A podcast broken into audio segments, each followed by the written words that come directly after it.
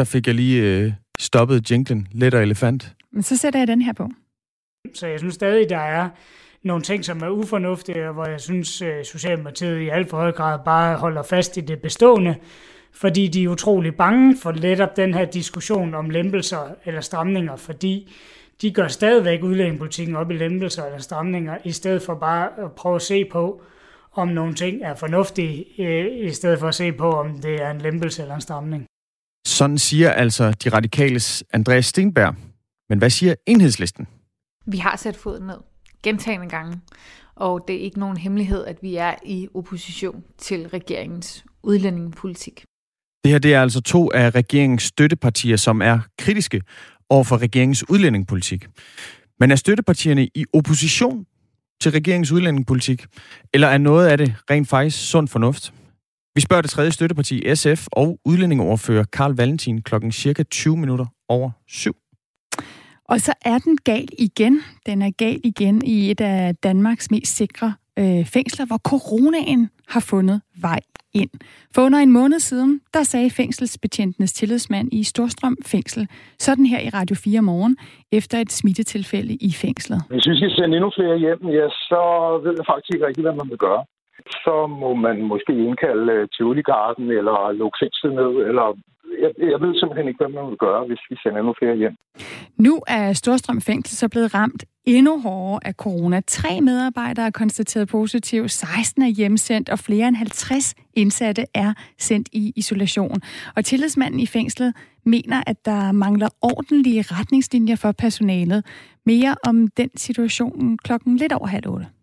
Og den øh, store historie her på Radio 4 Morgen, det er selvfølgelig øh, den optælling, som vi har lavet. Optælling over stramninger og lempelser på udlændingeområdet. En optælling, der altså viser, at siden den socialdemokratiske etpartisregering kom til magten, der har de lavet 29 stramninger og 15 lempelser. Hvad siger støttepartierne til det, og hvad siger regeringens eller Folketingets store oppositionsparti Venstre til det? Det får du svaret på, hvis du lytter med her. Godmorgen og velkommen til Radio 4 Morgen. I studiet er Stine Krohmann Dragsted og Christian Magnus Damsgaard.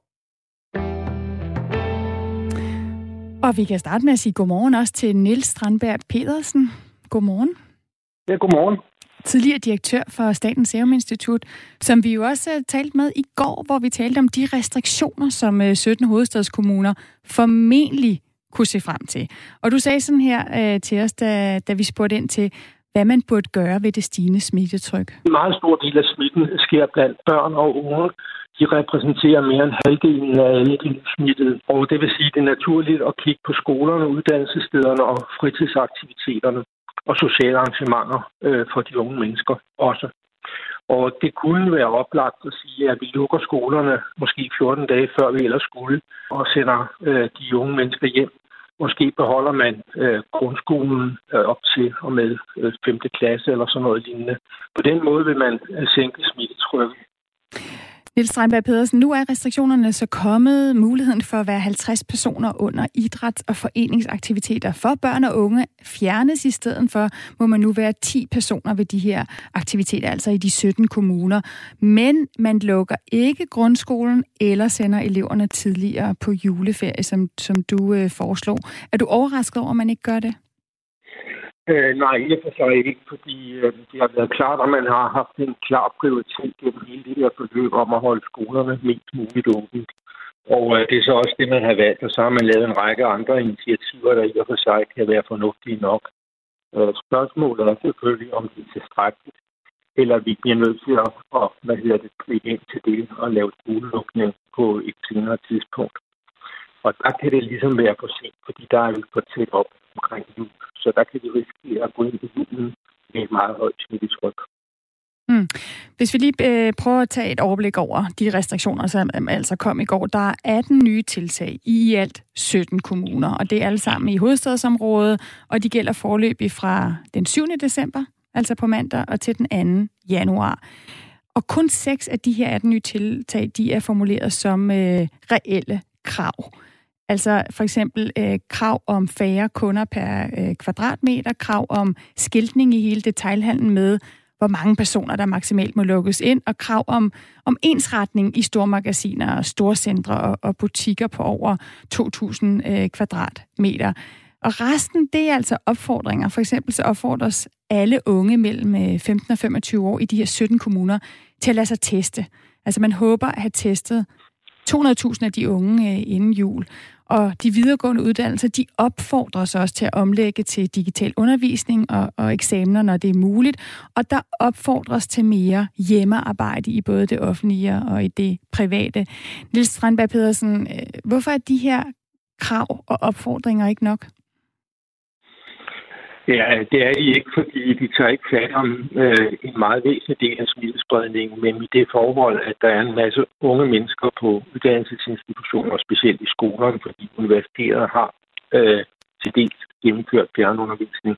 Men i skolerne, der mødes de unge mennesker stadigvæk, og vi ved, at, at smittetrykket er meget højt i, øh, i gruppen af, af unge mennesker, børn og unge mennesker. Øh, det er vel sådan, at at de udgør over 50 procent af den smitte, vi registrerer de 10-30-årige, selvom de befolkningsmæssigt kun udgør cirka 20 procent af befolkningen.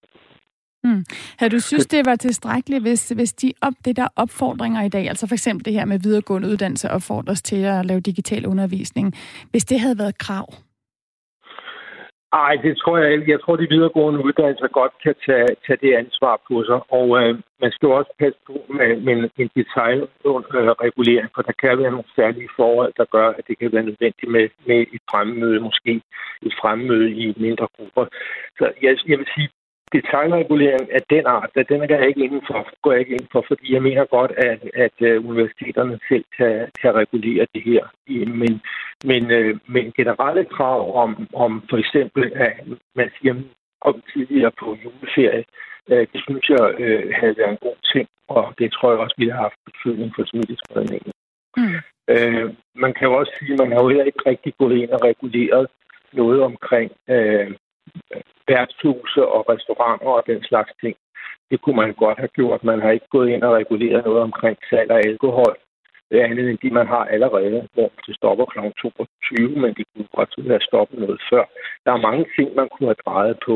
Hvis man ser på udlandet, så har man jo meget voldsomme restriktioner omkring social kontakt, hvor man kun må mødes ganske få mennesker.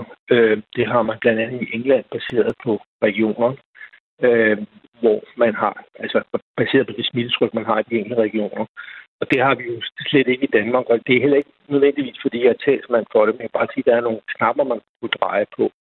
Man har i vidt omfang i England også forsøgt at holde skolerne åbne, men, men til må man så ikke mødes med mere end seks uden for sin egen familie og sådan nogle ting. Så der er, der er øh, en række ting, man godt kunne gå ind og gøre. Men det, som jeg synes er det vigtigste her, det var at få bragt smittetrykket ned i kommunerne hurtigst muligt blandt de unge mennesker. Og der vil en, en, tidlig, en tidlig juleferie være en rigtig god idé. Og nu skal vi lige sige, at sundhedsminister Magnus Heunicke sagde i går, det er jo ikke sikkert uh, endnu, at der ikke kommer flere restriktioner, så det her det er de, de forløbige restriktioner. Uh, og, og der er din opfordring så, hvis der skulle komme flere, så kunne det for eksempel være, være en tidlig uh, juleferie. Ja. Uh, Niels Strandberg Pedersen, altså tidligere direktør for Statens Serum Institut. Er der grundlag for ikke at indføre de her restriktioner, der nu er indført i 17 kommuner, i, i andre større kommuner, som for eksempel i Aarhus og Odense og Aalborg? Man kan sige, at nogle af restriktionerne er jo indført i andre kommuner, blandt andet reguleringen af, af hvad hedder det, fremmøde i øh, uh, store magasiner og den slags ting, indtrækning og trafik og sådan nogle ting. Uh, der, det har man, det er jo landsdækkende. Men, men uh, man kunne sagtens indføre nogle af de her ting andre steder også, hvis man mener, man har problem. Øh, man skal jo heller ikke være fuldstændig fokuseret på det her med de 17 kommuner, fordi øh, vi har jo to kommuner i hovedstadsområdet, altså Helsingør og Ishøj, som også har høje smittetal, og der og de er ikke umiddelbart med, men de men blev trods alt nævnt, at Helsingør havde et problem. Øh, og øh, og, og øh, man kan sige, øh, man kan sagtens, man, man kan selvfølgelig ikke indføre det der med testning af alle unge mennesker, fordi det har man ikke testkapacitet nok til. Nu sætter man ressourcerne ind i Københavnsområdet for at få testet så mange som muligt. Det kan man ikke gøre over hele landet. Øh, det vil man ikke have ressourcer til. Og det vil heller ikke være fornuftigt, fordi smittetrykket er ikke så højt andre steder. Men hvad er grunden så til, at man øh, kun indfører, indfører restriktioner i de her 17 kommuner, når der altså er øh, flere andre, som, som ser høje smittetal? Det kan jeg selvfølgelig ikke sige. Altså, det ved vi simpelthen ikke. Øh, måske er det det, man har lagt sig fast på at snakke talt om på det tidspunkt. Jeg forstår ikke, hvorfor man ikke har øh, Helsingør og Ishøj med, eller nogle af de andre kommuner øh, i hovedstadsområdet, som i øjeblikket har en lavere smittetal, men de kan meget hurtigt blive høje igen, fordi adfærdsmønstrene måske ikke er så meget anderledes øh, i, i de nabokommuner. Så, så, så, så på den måde, så øh, kunne man sagtens have taget flere med. Men måske er det et kapacitetsspørgsmål, måske er det et spørgsmål om, hvor mange man kan nå at teste. Øh, og øh, hvis man vil teste alle de unge mennesker, er det en stor opgave. Og så lige øh, kort her til sidst, øh, Niels Strandberg Pedersen. En, en ting, jeg undrer mig over, det er jo det her med, at man nu vil man teste øh, 200.000 unge i øh, hovedstadsområdet inden jul. Men altså, kan man dem op for, at de her unge mennesker tager smitte med hjem, når de skal på juleferie, eller Nej. hvad de nu end skal? For... Nej? Det kan man ikke, fordi uh, testningen er selvfølgelig et øjebliksbillede. Præcis. Og du vil selvfølgelig finde nogen, der er smittet, og så vil du isolere dem og sådan nogle ting, så du kan godt bringe smitten noget ned i at teste. Men uh, det, der vil være allervigtigst, det er at få begrænset den sociale kontakt. Uh, og uh, så godt som man overhovedet kunne. Og der kan man jo altså begrænse den i, i, i skolerne, hvis man, hvis man lukker dem lidt før øh, juleferien. Eller noget før juleferien, så vil man kunne begrænse social kontakt der.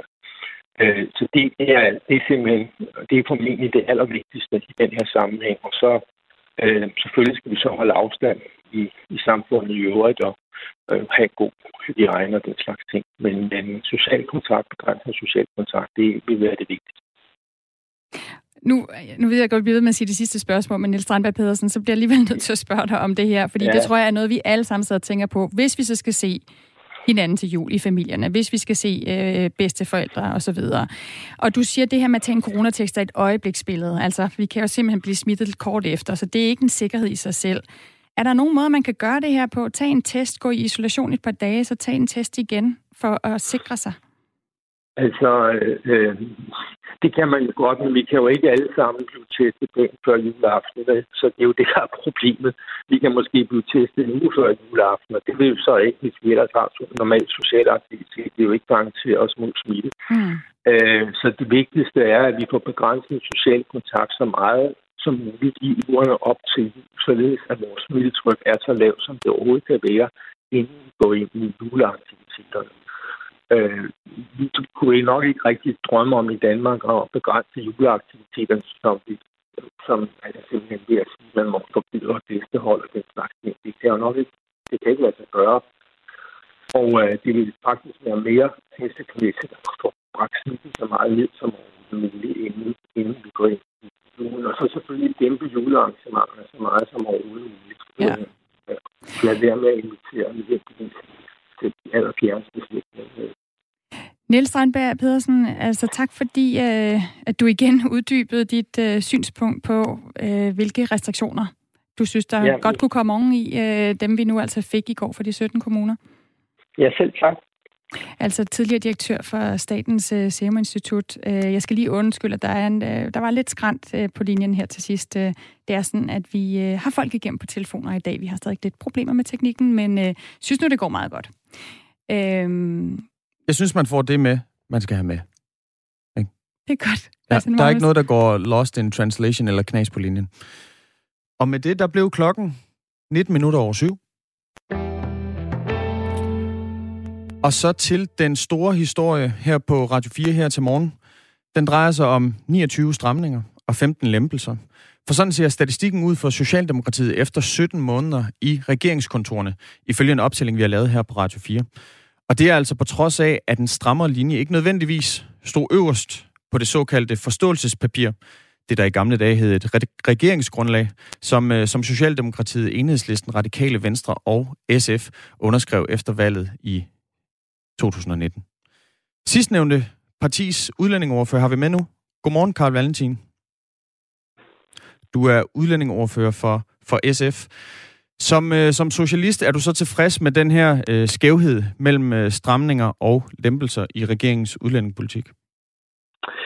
Altså først og fremmest, så synes jeg, man skal passe meget på med at dele det op øh, sådan som bare stramninger og lempelser, fordi der er jo nogle såkaldte stramninger, som vi vil være tilhængere af, og der vil også være nogle øh, lempelser, som vi øh, muligvis vil være modstandere af.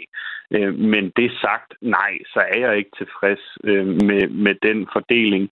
Øh, men jeg anerkender også, at der desværre er et bredt flertal i Folketinget, som ønsker en anden udlændingepolitik, end Socialistisk Folkeparti gør. Og derfor så arbejder vi jo øh, dag og nat parlamentarisk for at sikre øh, flest mulige indrømmelser og den bedst mulige udlændingepolitik set med vores øjne. Og der har altså været øh, adskillige eksempler på stramninger under den nuværende regering. Blandt andet så har Mathias Tesfaye øh, foreslået at ville tvangsteste afviste asylansøgere for corona. Han har frataget ni statsborgerskaber fra fremmedkrigere administrativt. Altså noget, der plejede at være en øh, beslutning, der var op til domstolene. Så har regeringen også øh, sat gang i en genvurdering af syriske flygtningens behov for beskyttelse, med henblik på, at de kan fratages opholdstilladelsen, fordi der er fredeligt i Syrien. Og så har regeringen også oprettet en hjemrejsestyrelse, opsagt en aftale med Dansk Flygtningehjælp og foretaget en række stramninger for at sende flere hjem. Herunder så skal myndighederne altså have styrket muligheder for at indhente relevant data fra udlændingenes mobiltelefoner, for nemmere at identificere dem og dermed sende dem hjem. Og sådan her siger den anerkendte udlænding, udlændingeretsadvokat Jens Ryge Andersen om den virkelighed, som han opererer i, når det kommer til vilkårene for udlænding siden regeringsskiftet. Vi har overhovedet slet ikke mærket nogle lettelser i udlændingepolitikken under den øh, røde regering. Nærmere vil jeg sige, at det er en uændret udlændingepolitik øh, fra Inger Støjberg. Den er simpelthen bare ført videre. Der er ikke lempet på nogle væsentlige punkter. Karl Valentin, hvorfor skal man som, som SF vælger, øh, hvis man nu for eksempel ønskede et, øh, et brud med Inger Støjbergs linje, være tilfreds, mm. når virkeligheden for, for udlænding i Danmark er, er den samme? Jeg synes ikke, man som SF-vælger skal være tilfreds med regeringens agerende, og det er vi bestemt heller ikke. Vi synes, regeringen fører en for stram udlændingepolitik, som på flere parametre strider med, hvad vi kæmper for. Men jeg håber, at man er tilfreds med SF's indsats, fordi vi har sådan set kæmpet nogle ret væsentlige øh, forbedringer igennem for mig at se det. Altså det handler eksempelvis om, at vi fik droppet ideen om Lindholmøen. Det handler om, at Danmark øh, begynder at tage kvoteflygtninge igen, synes jeg er, det er en, altså, en, en enormt vigtig beslutning i forhold til, at Danmark skal tage internationalt ansvar. Jeg har været med til at sidde og lande en aftale, som hjælper børnene ud af sjælsmark. Altså et sted, hvor vi ved, at de har haft øh, rigtig, rigtig svære øh, vilkår, meget dårlige forhold.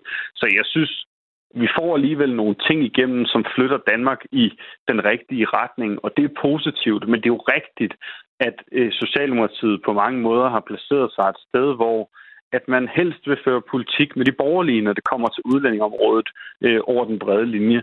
Og der må vi jo arbejde alt, hvad vi kan, ikke bare for at flytte Socialdemokratiet, men også for at flytte folkestemningen. For der er jo rigtig mange danskere, desværre, som ønsker en ret stram udlændingepolitik. Øhm, og, øh, og der må vi jo gøre, hvad vi kan for at, at flytte i den rigtige retning. Desværre så kan man ikke få alt, når man er støtteparti, og det, det er vi også klar over. Der er en øh, lytter, der har skrevet ind på 1424, startede sin besked med R4. Spørg lige Karl Valentin, hvordan det kan være, at det hele nu går op i minimumsnummeringer og klimaløfter. Hvor er udlændingepolitikken blevet af i SF? Altså, grunden til, at vi snakker meget om minimums og nummeringer og om klimapolitik, det er jo fordi, vi synes, det er enormt vigtigt, at børn de har en tryg opvækst, og at de også har mulighed for at øh, at have nok pædagoger der, hvor de arbejder. Grund til, at vi snakker om klimapolitik, det er, fordi vi har en klimakrise, som er meget akut, øh, der skal handles på, og det er nogle mærkesager for os, så selvfølgelig snakker vi om dem. Men vi snakker øh, i allerhøjeste grad også om udlændingepolitik. Altså i går, der kom jeg hjem kl. 12 om aftenen, fordi øh, jeg havde indkaldt til en forespørgselsdebat i Folketinget, netop for at presse Socialdemokratiet på, at man skal øh, tage nogle af de her øh, flygtningebørn, som har været i den nedbrændte lejr i Moria. Mm. Og der vil Socialdemokratiet ikke flytte sig, men vi gør, hvad vi kan for ligesom at, at presse øh, i den retning, og, og vi prøver bestemt også at, at øh, lægge vægt på udlændingepolitiske spørgsmål. Men, men jeg tror også, grund til, at lytteren spørger, det er jo for eksempel nu øh, her i morges, da jeg skulle forberede mig til det her interview, Karl Valentin, der gik mm. jeg også ind og kiggede på jeres hjemmeside, for ligesom at finde ud af, hvor ligger udlændingepolitikken på jeres dagsorden. Og hvis man går ind på jeres, altså forsiden på SF's hjemmeside, så kan man jo læse mm. om jeres mærkesager.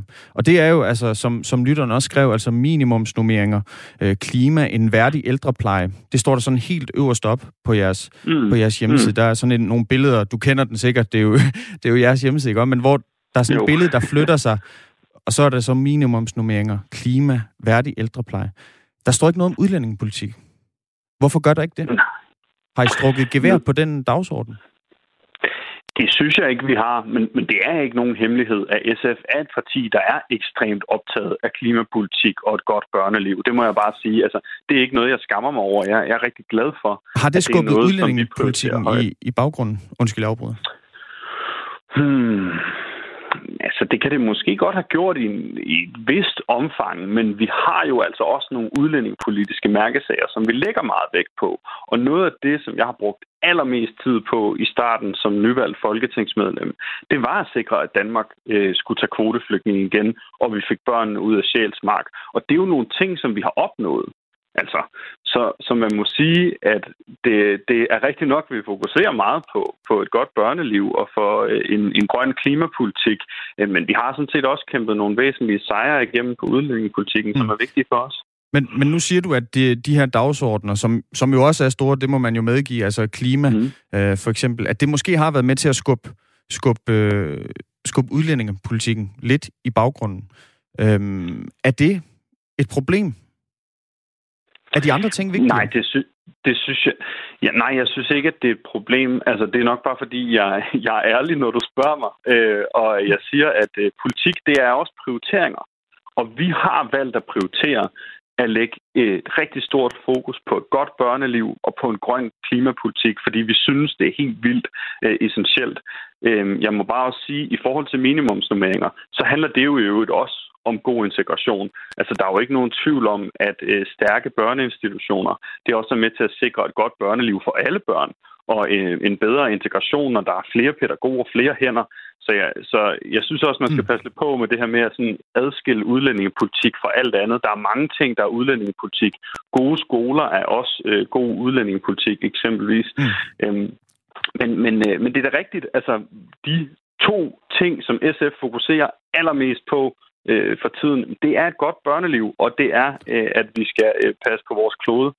Og øh, så nogle gange er nogle ting, der kommer i anden række, men det betyder altså ikke, at vi ikke prioriterer det højt. Altså, vi, vi bruger meget energi på at sætte fokus på øh, vores udlændingepolitik også, og, øh, og i næste uge, der stiller jeg et beslutningsforslag også om, at vi skal hente nogle af de her øh, børn øh, hjem fra, mm. fra Moria-lejren. Men jeg tror også noget af det, der er sket, bare lige for hurtigt rundt af, det er, der er jo ikke så meget fokus på udlændingepolitik i medierne øh, længere heller. Og det er der jo... Hov, undskyld, når der er noget, der ringer her. Nå, det, det, kan, det kan ikke være vigtigt end at være med her, Karl Valentin. Nej, nej, jeg vil bare lige lægge den på. Det er så fint. ja, nu, nu endte vi alligevel Nå. med at tale, tale lidt uh, klima, men det var måske uh, lidt mig selv, der, der lagde op til det. Hvis vi lige vender tilbage til udlændingepolitikken, så din kollega i Rød Blok, uh, Rosa Lund fra e- Enhedslisten, hun siger sådan her. Vi har sat foden ned gentagende gange, og det er ikke nogen hemmelighed, at vi er i opposition til regeringens udlændingepolitik. Altså enhedslisten er i opposition til regeringens udlændingepolitik. Karl Valentin, ser du også øh, dig selv og SF som værende i opposition til, til Socialdemokratiet, altså på udlændingepolitikområdet isoleret set? Det synes jeg er en lidt hård formulering. Altså, der er dele af Socialdemokratiets udlændingepolitik, som vi er i opposition til, men der er jo også noget af den, som vi er blevet enige med Socialdemokratiet om. Og vi gør, hvad vi kan for at få Socialdemokratiet til at arbejde eh, sammen med os så ofte som muligt på det udlændingepolitiske område, fordi vi ved jo godt, hvad der er, der sker, når de går til de borgerlige. Så går det fuldstændig den forkerte vej. Jeg ved, jeg ved ikke, om jeg vil sige, at jeg opposition til Socialdemokratiet, men det er klart, der er nogle relativt store uenigheder mellem SF og Socialdemokratiet på det udlændingepolitiske område, som, øh, ja, som, som vi kæmper dagligt øh, med, og det, det kunne jeg jo mærke så sent som i går, da Socialdemokratiet blankt afviste, at man ville hjælpe nogle af de her flygtningebørn fra Moria-lejren. Hmm. Karl Valentin, øh, vi når ikke mere. Tak fordi du var med i hvert fald. Selv tak. Udlændingordfører for SF. Og om en lille halv time, så taler vi altså med Venstres udlændingordfører Mads Fuglede Og det bliver, det er cirka kvart i otte. Er det ikke rigtigt, Stine? Det er nemlig rigtigt. Øh, Mads Fuglede har øh, et lidt andet syn på, hvad der tæller mest. Altså han siger, at det ikke handler så meget om antal stramninger, antal lempelser, men substansen af det. At, øh, at det kan godt være, at der er kommet mange øh, stramninger, men øh, de lempelser, der er kommet, synes Venstre altså øh, har været øh, at gå for vidt og er et brud med den linje, der blev lagt af blandt andet Inger Støjberg. Nu klokken halv otte her på Radio 4.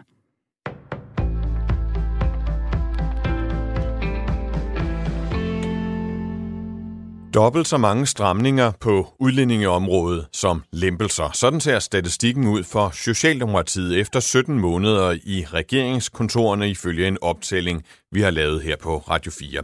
29 stramninger mod 15 lempelser. Men en strammere linje stod ikke ligefrem øverst på det såkaldte forståelsespapir, som Socialdemokratiet, Enhedslisten, Radikale Venstre og SF underskrev efter valget i 2019. Enhedslistens udlændingeoverfører Rosa Lund advarer nu regeringen mod at bevæge sig væk fra forståelsespapiret. Vi har sat foden ned gentagende gange, og det er ikke nogen hemmelighed, at vi er i opposition til regeringens udlændingepolitik. Udlændinge- og integrationsminister Mathias Tesfaye fastslår i en skriftlig kommentar til Radio 4, at regeringen fører sin politik på baggrund af et bredt flertal i Folketinget. Regeringen fører en udlændingepolitik, der er stram, men ikke skør, skriver ministeren. Hos Foreningen af Udlændingeretsadvokater fremhæver bestyrelsesmedlem Jens Ryge Andersen, at Socialdemokratiet i deres optik har fortsat linjen fra den tidligere regering. Vi har overhovedet slet ikke mærket nogle lettelser i udlændingepolitikken under den øh, røde regering. Nærmere vil jeg sige, at det er en uændret udlændingepolitik øh, fra Inger Støjberg.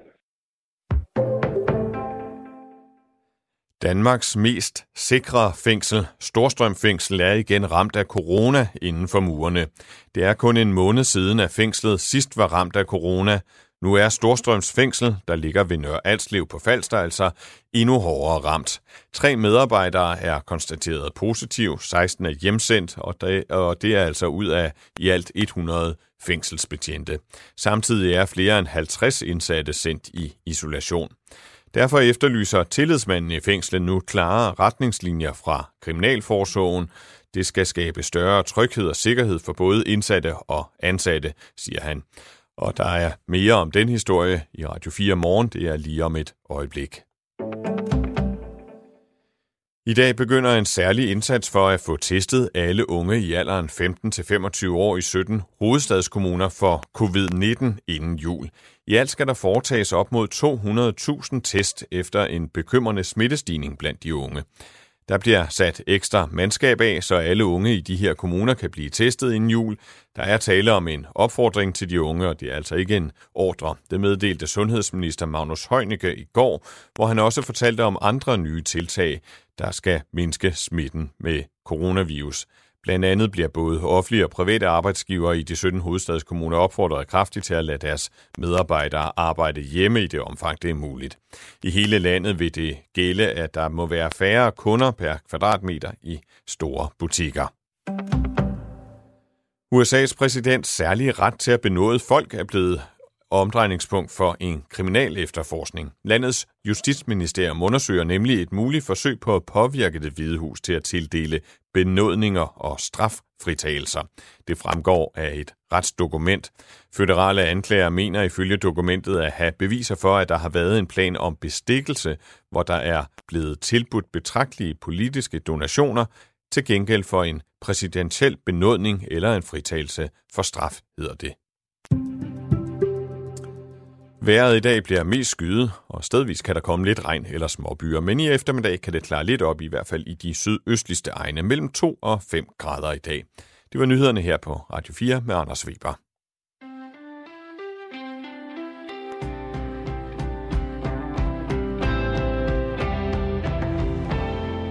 Vi har overhovedet slet ikke mærket nogle lettelser i udlændingepolitikken under den øh, røde regering. Nærmere vil jeg sige, at det er en uændret udlændingepolitik øh, fra Inger Støjberg. Den er simpelthen bare ført videre. Der er ikke lempet på nogle væsentlige punkter. Der er ikke lempet på nogle væsentlige punkter, sådan siger udlændingeretsadvokat Jens Ryge til os her på Radio 4. Og øh, så kunne man jo godt tro, at øh, ikke nogen ændring i linjen på udlåningområdet, det var noget, som man som borgerlig ville være vildt glad for, den her socialdemokratiske linje, eller hvad? Vi har lavet en optælling her på Radio 4, der viser, at øh, den socialdemokratiske regering har gennemført næsten dobbelt så mange stramninger som lempelser siden regeringsskiftet. Og derfor så øh, vi talt med, med SF lige før, øh, som jo er støtteparti, som bestemt øh, øh, måske ikke er så glad for, at øh, der har været så mange stramninger stadigvæk. Det var lidt uklart. Nogle af stramningerne støtter man, men ikke alle sammen. Altså, men som jo også erkender, at der er altså andre dagsordner som måske har været med til at skubbe udlændingepolitikken lidt i baggrunden for SF, altså ja. børneområdet, øh, klimaområdet osv. Det var Karl Valentin, vi havde igennem, som selvfølgelig også lavede pointen, at nogle af de områder er jo også er vigtige for øh, de folk, vi taler om, når vi taler udlændinge og flygtninge. Vi skal altså tale med Venstres udlændingoverfører Mads Fuglede øh, klokken kvart i otte om denne her øh, historie, som er den gennemgående historie her på Radio 4 til morgen, og som vi også øh, følger de, de kommende dage. Og skriv ind til os, hvis du har kommentar på den. 1424, start din besked med R4. Mm, Lars har skrevet, spørg de venstreorienterede partier, hvad de siger til, at cirka 80 procent af danskerne ønsker en stram udlændingepolitik.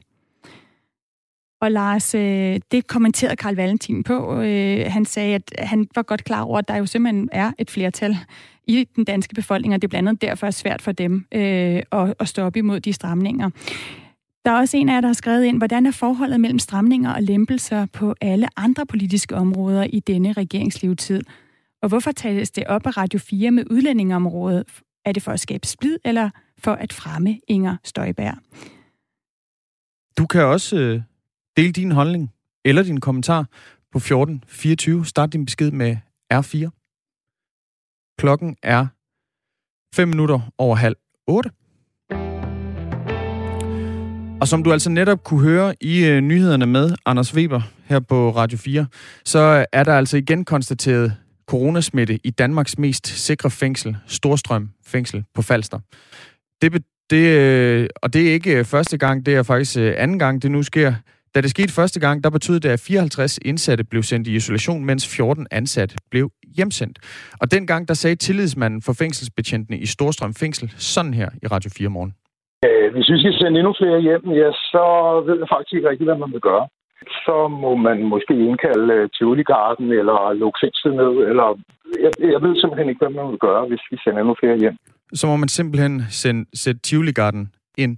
Og nu kan vi her på Radio 4 fortælle, at coronaen igen har fundet vej ind i et af Danmarks bedst sikrede fængsler. Godmorgen, Mads. Godmorgen. Du er tillidsmand for fængselsbetjentene i Storstrøm Fængsel. Det var dig, vi hørte her i klippet, og vi kender dit efternavn, men af sikkerhedshensyn, så nævner vi det ikke lige her i, i radioen.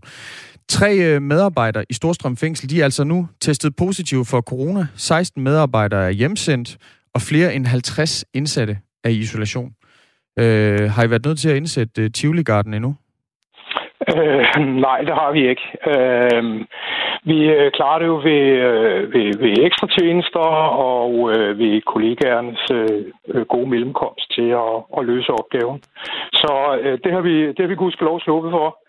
Øh, og det er ikke fordi, at Tivoli Garden er på nogen måde dårlig, men øh, det var sådan et billede på, på, på, at jeg simpelthen ikke ved, hvad man vil gøre ved det, hvis øh, det virkelig får lov at eskalere. Øh, sådan lige, lige kort, så, så øh, det er ikke over 50 indsatte, der er isoleret. Det er 48 indsatte, der er isoleret. Men det er korrekt, okay, at vi har 48. 3, 3 smittede og 16 hjemsendte. Okay. Øhm, ja, du, du er selv øh, hjemsendt lige nu, fordi du har været i, i kontakt med, med en smittet. Øh, og der er, øh, så vidt jeg har forstået, hu, cirka 100 fængselsbetjente tilknyttet Storstrøm Fængsel. Er det ikke rigtigt forstået? Jo, det, det, det er sådan meget godt ramt. Ja. Og når, øh, når, så, så er, når der er så er hjemsendt 16 medarbejdere, det er alligevel et, øh, et betydende indhug, det gør i medarbejderstaben. Hvad betyder det? Jamen, det betyder som sagt, at de resterende dernede, de skal, øh, de skal ikke bare løbe stærkt, fordi det gjorde de i forvejen, men øh, altså, nu, skal der, nu skal der virkelig være, være turbo på dem, øhm, og det betyder, at de øh, stort set skal være på arbejde hele tiden. Så det er en, det, det, det er en alvorlig situation. Hvordan også med stemningen i fængslet, tænker jeg. Altså, når, når indsatte bliver, bliver, skal isoleres, altså mere end de jo forvejen er ved at være i fængsel, øhm, hvordan bliver stemningen så også, når I måske er lavet på mandskab? Jamen, det er klart, at det betyder jo rigtig meget for, hvad man har tid til øh, øh, omkring de indsatte, og det betyder jo så også for de indsatte, at, at det bliver mere presset, en endnu presset hverdag for dem. Øh, Indtil videre, øh, de tager det pænt. Øh, de er jo godt klar over, at det er en alvorlig situation, men, men det er klart, at, at stemningen den er trykket. Har I fået tilknyttet forstærkning udefra? Øh, så vidt jeg har fået orienteret, har vi fået to mand udefra til at, at, at hjælpe til på det her. Øh, mm. Og det dækker jo langt fra øh, de, de 16, vi mangler. Vi havde der jo også med, uh, Mads, i forbindelse med første gang, der udbrød uh, corona i, i Storstrøm fængsel. Og dengang, der var du meget kritisk over for den beredskabsplan, som Kriminalforsorgen de altså har udarbejdet for at undgå smittespredning i landets fængsler. Det er du stadig. Ja. Hvor, hvor, det, det... hvor er det særligt, at Kriminalforsorgens retningslinjer ikke er gode nok? Altså man kan sige, at beredskabsplanen, den, den omhandler jo rigtig meget om, hvad, øh, hvad man gør, når der er konstateret smitte, men den omhandler ikke så meget om, hvad man gør for at forhindre smitte. Og øh, vi ved jo, at, at de ting, der virker, det er rengøring og hygiejne, og så er det afstand. Øh, og kan man ikke kan man ikke, har man svært ved at overholde det ene, så skal man lægge noget mere vægt på det andet. Og, og afstand, det, det har vi svært ved at overholde i forhold til de indsatte. Vi er nødt til at være omkring dem. Og det betyder jo så, at, at rengøring, den skal jo så trappes op. Øh, så er der nogle flere ting, som, som øh, man heller ikke har, har indarbejdet, i hvert fald ikke så vidt jeg er orienteret. Det er sådan noget, som nu har vi fået to mand ned og hjælpe os. Øh, de kommer fra noget, der hedder forstærkningshold, men det forstærkningshold, det bevæger sig rundt på hele Sjælland. Og det vil sige, at øh, personalet jo rent faktisk skaber nogle broer mellem forskellige smittesteder. Øh, og, og, og det finder jeg faktisk også øh, uhensigtsmæssigt. Øh, i, samme, I samme omgang, der kan man sige, at øh, hvis man kigger på et oversigtsbillede over Storstrøm Fængsel, så er det bygget op af en ringmur og fem bygninger indenfor.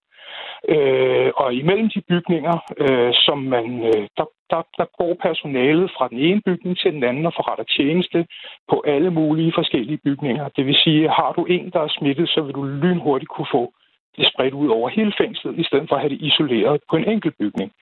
Øh, så der er nogle ting omkring det her med at, at, at mangle personale i den grad, man gør, og så måtte flytte rundt på dem øh, i, imellem fem, seks forskellige bygninger, øh, som er meget uhensigtsmæssige. Og den slags tager beredskabsplanen simpelthen ikke højt for. Hvordan, der er ikke noget i. Hvordan, øh, nu nævner du selv, når der kommer folk udefra, øh, som er rundt i fængsler på hele Sjælland, så kan det være med til at, at starte nogle nye smittekæder. Hvad med, øh, hvad med værnemidler? Er det noget, I iført? Øh, nej, ikke som øh, udgangspunkt. Øh, hvis vi har en indsats, der er konstateret smittet, så skal vi selvfølgelig bruge de værnemidler, der er. Øh, men som udgangspunkt, nej, så har vi ikke nogen værnemidler. Vi bruger dem ikke. Hvorfor ikke? Ja, se, det kunne jeg jo også godt øh, nogle gange spørge om, hvordan det kan være, at vi ikke bruger dem. Øh, men som sagt, jeg er hjemsendt, og jeg har lige været på et testcenter. Og når man går ind på sådan et testcenter, øh, så står alle i fuld mundering. Øh, der er ikke noget med, at jeg kan få lov at aflevere mit sundhedskort. Det bliver scannet udefra. Alting er skærmet af. Øh, så, så jeg kan jo godt undre mig over, hvordan det kan være, at vi ikke øh, bruger nogle af de midler. Jamen, kan I ikke bare tage dem på? Kan I ikke bare tage mundbind på? Øh, bare tage dem på kræver for det første, at de, at de står og er, er lagt frem og til rådighed for, at vi skal bruge dem. Øh, det kræver en tilkendegivelse fra arbejdsgiver om, at det er helt fint at bruge dem i, i, i, i de henseender, vi måtte, måtte have. Og det mangler vi jo så dernede. Man kan ikke bare... Tror du, hvis du gik til, til ledelsen i, i Storstrøm Fængsel og sagde, vi er altså utrygge ved at gå på arbejde, øh, fordi at vi ikke bruger værnemidler, tror du så, de vil sige, nej, vi vil ikke have, at I skal bære værnemidler? Øh, jeg tror, at de vil, øh, jeg tror, at de vil øh, sige til os, at øh, hvad skal man sige, den her måde at arbejde med indsatte på, at vi står med diverse værnemidler på, at så vil man måske få et modkrav fra de indsatte om, at de også vil bruge det. Så øh, jeg tror godt, at vi i en konkret situation vil kunne få lov at bruge det, men i helt generelt, så tror jeg, man vil sige, at det kommer ikke til at ske. Hvad vil det dårlige være ved at tage, tage mundbind på? Ja, det ved jeg så ikke. Det er jo anbefalet fra myndighederne, at, øh, ja. at øh, det er noget, vi, vi bruger i det offentlige rum. Der, der er også en, øh, en lytter, der har skrevet ind på 1424, startet sin besked med R4. Fængselspersonale burde have visir på. Ja. Har du ret? Ja. Hvor, ja.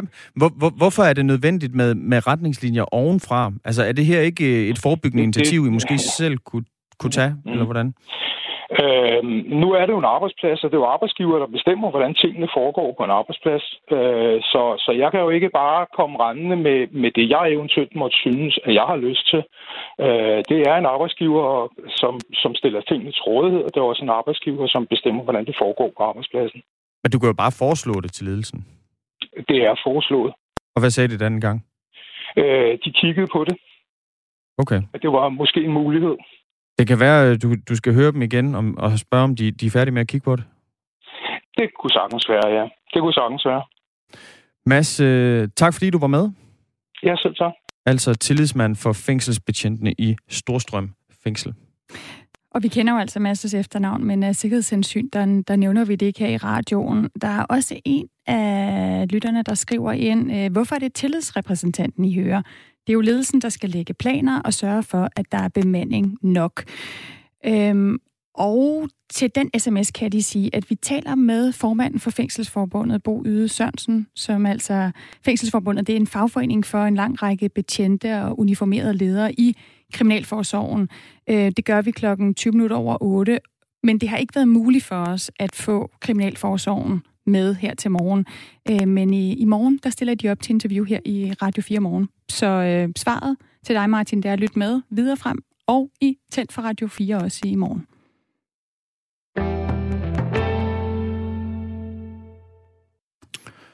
Jeg lovede noget i går, Christian Magnus. Åh oh ja, du, du lovede noget. Ja, og ja. du har siddet, jeg ved, du simpelthen øh, har brændt efter det er, fordi vi... at få den her øh, julequiz, som jeg... Altså måske, ja, så, som serviceinfo til, til lytterne, så kan jeg sige, altså vi har jo sådan en chat kørende her i studiet, som gør, altså vi kan tale om ting, som lytterne ikke kan høre, når de sidder og når de sidder og lytter med derude et eller andet sted. Hvor mange gange er der blevet skrevet du, øh, julequiz i den chat?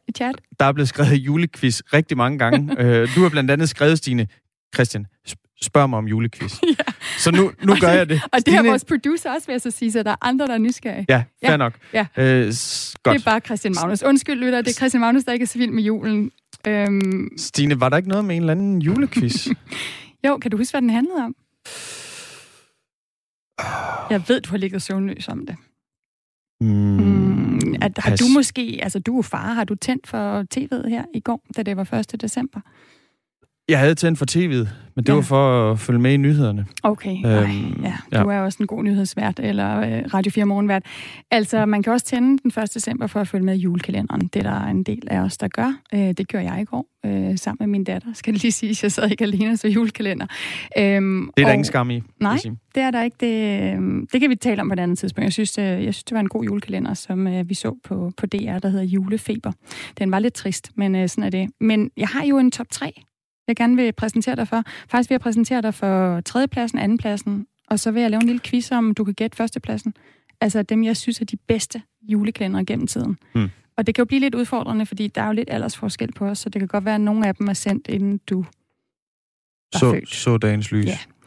Øh, Træerne, den behøver du ikke at gætte, den vil jeg simpelthen sige. Øh, det er på min tredje plads, der er det simpelthen jul i Ja, jeg kender den som jul i hullet, men den hedder Jul og Grønne Skove. Det er den med Paul og Nulle, der falder ned i et hul. Ja, og så er de egentlig der. Nej, den kender du ikke. Kender Nej. ikke. Der var kæmpe ballade, dengang de lavede den. Den kom øh, lige efter en meget, meget populær julekalender, og det var ikke særlig populært, at der sad øh, to mænd nede i et hul, og ikke gad at snakke særlig meget om jul. På et mm. tidspunkt blev øh, DR's øh, altså programdirektøren, han blev så desperat, at han smed et juletræ ned til dem i hullet. Og det tog de så bare smed over i hjørnet. Så, men altså, jeg var faktisk øh, statist øh, i, i den der, jeg fik lov til at, være, at komme med ind og sidde og tegne nogle juletegninger. Jeg tror, at Paul Næsgaard, han troede, hvis han nu kunne sætte nogle børn til at sidde og tegne lidt juletegninger, så var det måske okay. Du har simpelthen øh, været ja. skuespiller? Ah, skuespiller, skuespiller. Men vi fyldte lidt op i baggrunden. Ja. Ja, og øh, så det, den er på tredjepladsen, og det er fordi, det kan godt være, at det ikke var en særlig god julekalender. Der er mange, der ikke kunne lide den. som barn husker jeg bare, at jeg gik og tænkte over, hvor søren det der hul var henne. Om det blandt andet var blandt øh, de juletræer, der blev selv, solgt på julemarkederne. Så den gjorde indtryk på mig. Øh, på anden pladsen? Jul på Vesterbro. Nej. Bamses julerejse. Okay. Ja. Den, den kan jeg huske. Okay. Ja. Okay, hvad kan du huske fra den? Vi er på vej til dig. Ja, Julemand. Nå, jeg synes bare, det er fantastisk at lave en julekalender om en øh, nisse, der faktisk har et faderkompleks. Altså, det er jo det, den handler om. Altså Ja. det, det der på moderne dansk hedder daddy issues. Ja, altså det er jo julemandens søn, som simpelthen går rundt og vil spolere julen. Altså, det, det, er, det er helt fantastisk. Øh, altså Søren Haug, Fagsbøl, hvis man ikke øh, lige kan huske den, gå ind og se den. Altså alene det.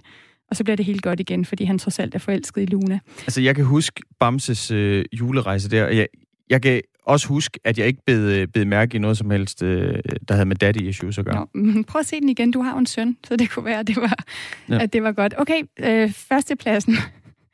Ja. Det vil jeg, øh, den vil jeg så lave en lille quiz på. Øh, og jeg tænker, at øh, vi kan se, om det er dig eller en af lytterne, der gætter det først. Man kan få en øh, Radio 4-kop, hvis man gætter denne her. Øh, og for det ikke skal være helt let, så starter jeg med, med ikke at fortælle så meget om den. Det er en klassisk julekalender, hvor at øh, julen risikerer at blive aflyst. Det var det hint, du fik. Mm, Jeg føler næsten, det, det er sådan plottet for de fleste julekalender. Ja, det er det jo nok. Øh, en mere. Der er både en prins og prinsesse i julekalenderen. Du skal også lige give lytterne en chance. Du må meget gerne lige tænke lidt over det. Vi kan jo øh, vende tilbage til julekvisten. Der er som sagt en øh, Radio 4-kop på højkant. Godt. Jeg googler lige lidt imens så. Nej, det må du ikke. Du har travlt med at være morgenvært her. Lad lytterne om at google. Jeg vil. Ja. Klokken den er 9 minutter i 8.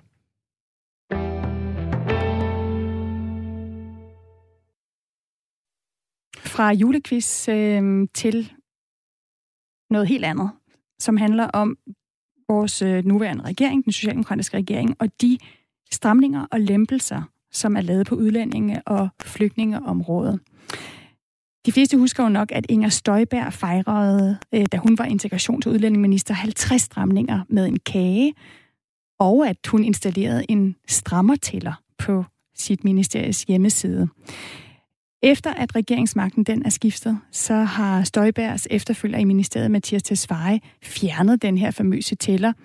Men øh, en optælling fra os her på Radio 4 viser, at øh, dobbelt så mange stramninger som lempelser er sket under den nuværende socialdemokratiske regering. Øhm, og øh, det jo så mere præcist er 29 stramninger og 15 lempelser, som den nuværende regering har gennemført. Og så kunne man jo godt tro, at øh, når vi dertil lægger, at en hel del udlændingeretsadvokater siger, at der faktisk ikke er sket en forskel i udlændingepolitikken siden Støjberg, at så var borgerlige partier øh, det rimelig tilfredse, og måske der sad og klappede lidt i hænderne, men det gør du ikke, Mads Fuglede. Godmorgen. Godmorgen. Udlændingeordfører for, for Venstre. Først øh, kan jeg måske spørge dig, har du tænkt dig at købe en, øh, en kage til Mathias Tesfaye, når han runder 30 stramninger? Nej, det har jeg ikke tænkt, Okay, jeg skulle. hvorfor ikke? Jamen, det ved jeg ikke. Vi er ikke sådan på kagefod. Så det er ikke, fordi du ikke vil fejre antallet af stramninger? Øh, jeg synes jo, at denne her regering har øh, øh, haft meget svært ved at leve op til sine løfter på øh, udlændingeområdet, og de har lempet udlændingepolitikken, og de har lovet os et modtagscenter i Nordafrika, som øh, aldrig bliver til noget, sådan som det øh, ser ud. Så jeg synes ikke, det ser særlig positivt ud. Øh, Mm. Det hele bliver skygget lidt af, at der er en pandemi, der raser derude, og derfor er grænserne igennem hele Europa øh, lukket. Øh, men vi ved, at den mest afgørende faktor for, hvor folk rejser hen, øh, når de kommer til Europa, det er, at de rejser efter sociale ydelser. Og dem har man sat op øh, for den her gruppe, og derfor øh, tror jeg desværre, at, at når normaliteten vender tilbage til de her breddegrader, at vi så risikerer at få et meget, meget stort pres på vores system igen. Ja. Mads Fuglede, grund til at tale om det her med en kage, det er jo fordi, at det er blevet til 29 stramninger ifølge vores optælling, altså tæt på 30. Øhm, der er så også lempet 15 gange, men din point er jo så, øh, det nytter ikke så meget at kigge på antal, altså man skal kigge på, på substans. Øhm, og det har vi også øh, gjort. Altså, hvis vi ikke kigger på antal stramninger og lempelser, men kigger på substans, så er der generelt en opfattelse af, at linjen ikke er ændret nævneværdigt siden øh, regeringsskiftet. Den opfattelse er der i hvert fald hos øh, udlændingeretsadvokater. Prøv lige at høre her. Vi har overhovedet slet ikke mærket nogle lettelser i udlændingepolitikken under den øh, røde regering.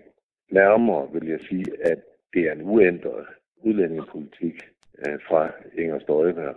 Den er simpelthen bare ført videre. Der er ikke lempet på nogle væsentlige punkter. Mads Fulle, det er øh, udlændingeretsadvokat, undskyld, Niels Røge Andersen, som du hørte her, som jo altså også er bestyrelsesmedlem i den her forening, Foreningen for Udlændingeretsadvokater. Det samme under Støjberg, siger han. Hvorfor er det ikke en tilstrækkelig hård linje? Jamen, vi ser jo på, hvad det er, vi ved, der gør, at folk rejser derhen, hvor de nogle gange ender med at rejse hen. Der er nogle forskellige faktorer, som gør sig gældende. En af de allervæsentligste, eller nok den væsentligste, det er øh, de sociale ydelser, der hvor man rejser hen. Det vil sige, det er den store pullfaktor i, når et land har høje sociale ydelser, så tiltrækker man øh, flere, der ønsker at komme til det land. Hvis man så sætter dem op for den gruppe, så får det jo den konsekvens, at der kommer flere til. Det har man gjort i den her regerings levetid. Det var en del af forståelsespapiret. Øh, man ville så afbalancere det, sagde man, ved at vende hele øh, systemet på hovedet og lave et modtagscenter i Nordafrika. Det vil sige, at man kunne ikke slet ikke komme til Danmark og søge øh, asyl, men man ville, hvis man gjorde det, blive sendt tilbage til Nordafrika, hvor man være på et center der for at behandle sine sager.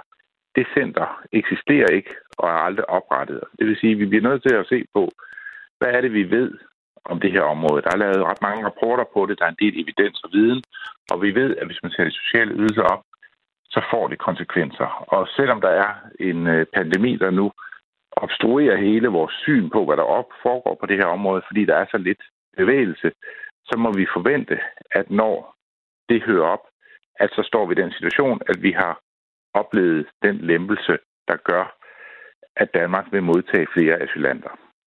Men Mads Fulle, hvis, hvis virkeligheden ikke opfattes anderledes for de udlændinge, der kommer hertil, altså hvad er det så helt konkret, du er utilfreds med? Jamen, det synes jeg jo lige er beskrevet, at øh, vi ved, hvor, hvorfor folk rejser derhen, hvor de rejser hen. Øh, og det, det, der er forskellige faktorer, og den vigtigste er den, man så har skruet på øh, i den her regerings levetid. Og det synes vi, og jeg synes for dag et, at det var meget, meget uklogt at gøre. Så de 700 kroner per måned øh, øh, til dem, der modtager det, der tidligere hed integrationsydelsen, og, og også dem, der modtager kontanthjælp.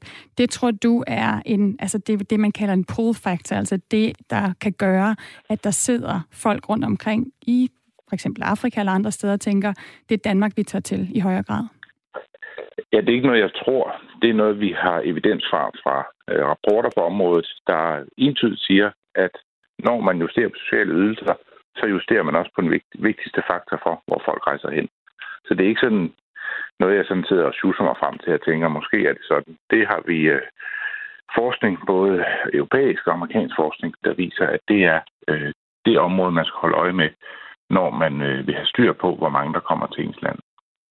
Som du siger, så er det jo det her med at måle, hvor meget styr der er på det, er lidt svært i øjeblikket. Det er coronatid, så, øhm, så det er lidt nogle andre flygtningestrømme, vi ser i, i øjeblikket. Øhm, jeg skal også lige huske at sige, at vi vil rigtig gerne høre fra jer, fra jer lyttere, øhm, hvis, øhm, hvis I har en kommentar til, til det her område. Altså specielt, hvis, øh, hvis du har stemt øh, på nogle af de røde partier, hvad betyder det så for dig, øh, hvor mange stramninger eller lempelser regeringen øh, øh, får igennem, og, og hvorfor? Du kan altid skrive ind til os. Du starter din besked med R4, og så sender du den til 1424. Men Mads Fuglede, altså øh, fra Venstre, hvorfor spiller den her balance, altså den dobbelt så mange stramninger indtil videre i, i de måneder, som Socialdemokratiet har været ved regeringsmagten, som dæmpelser. Spiller det ingen rolle for dig i vurderingen af regeringens politiske linje på det her område? Jo, det gør det, fordi hvis man ser på, hvor der især er stramninger, så går de på udenlandsk arbejdskraft. Man kører sådan en linje fra fagbevægelsen, der handler om, at det skal være sværere at komme til Danmark og arbejde. Det vil sige, at regeringen har øh, lavet en politik, hvor man sørger for, at dem, vi ønsker, at øh, der skal komme færre af, nemlig øh, de, der har svært ved at komme ind på dansk arbejdsmarked, dem har man skabt grobund for, at der kommer flere af, og så dem, der kommer hertil og arbejder, og som gerne vil i Danmark, dem har man øh, lavet flere og flere regler for, at, så det bliver sværere for dem at komme hertil. Og mange af de stramninger, der er lavet, øh, som I så har talt som stramninger, er nemlig stramninger på øh, den bevægelighed af, af arbejdskraft, som, som vi egentlig ønsker mere af i vores parti. Okay, lad os lige bare tage nogle af de stramninger, som er dem, måske de største, øh, der er lavet. Mathias Tesfaye ved øh, tvangsteste afviste asylansøgere for corona. Han har frataget ni statsborgerskaber for fremmedkrigere administrativt. Og så er der også en genvurdering af syriske flygtninges behov for, for beskyttelse. Øhm, lige til sidst, øh, Mads Fuglede, ved du hvad? Faktisk øh, Ja, vi når det faktisk ikke, Mads Fuglede. Undskyld, der, der er nyheder. Så tusind tak, fordi du var med øh, på det her ja, om øh, den her debat om øh, regeringens øh, udlændingepolitik og flygtningepolitik. Mads Fuglede, altså udlændingeordfører fra øh, Venstre.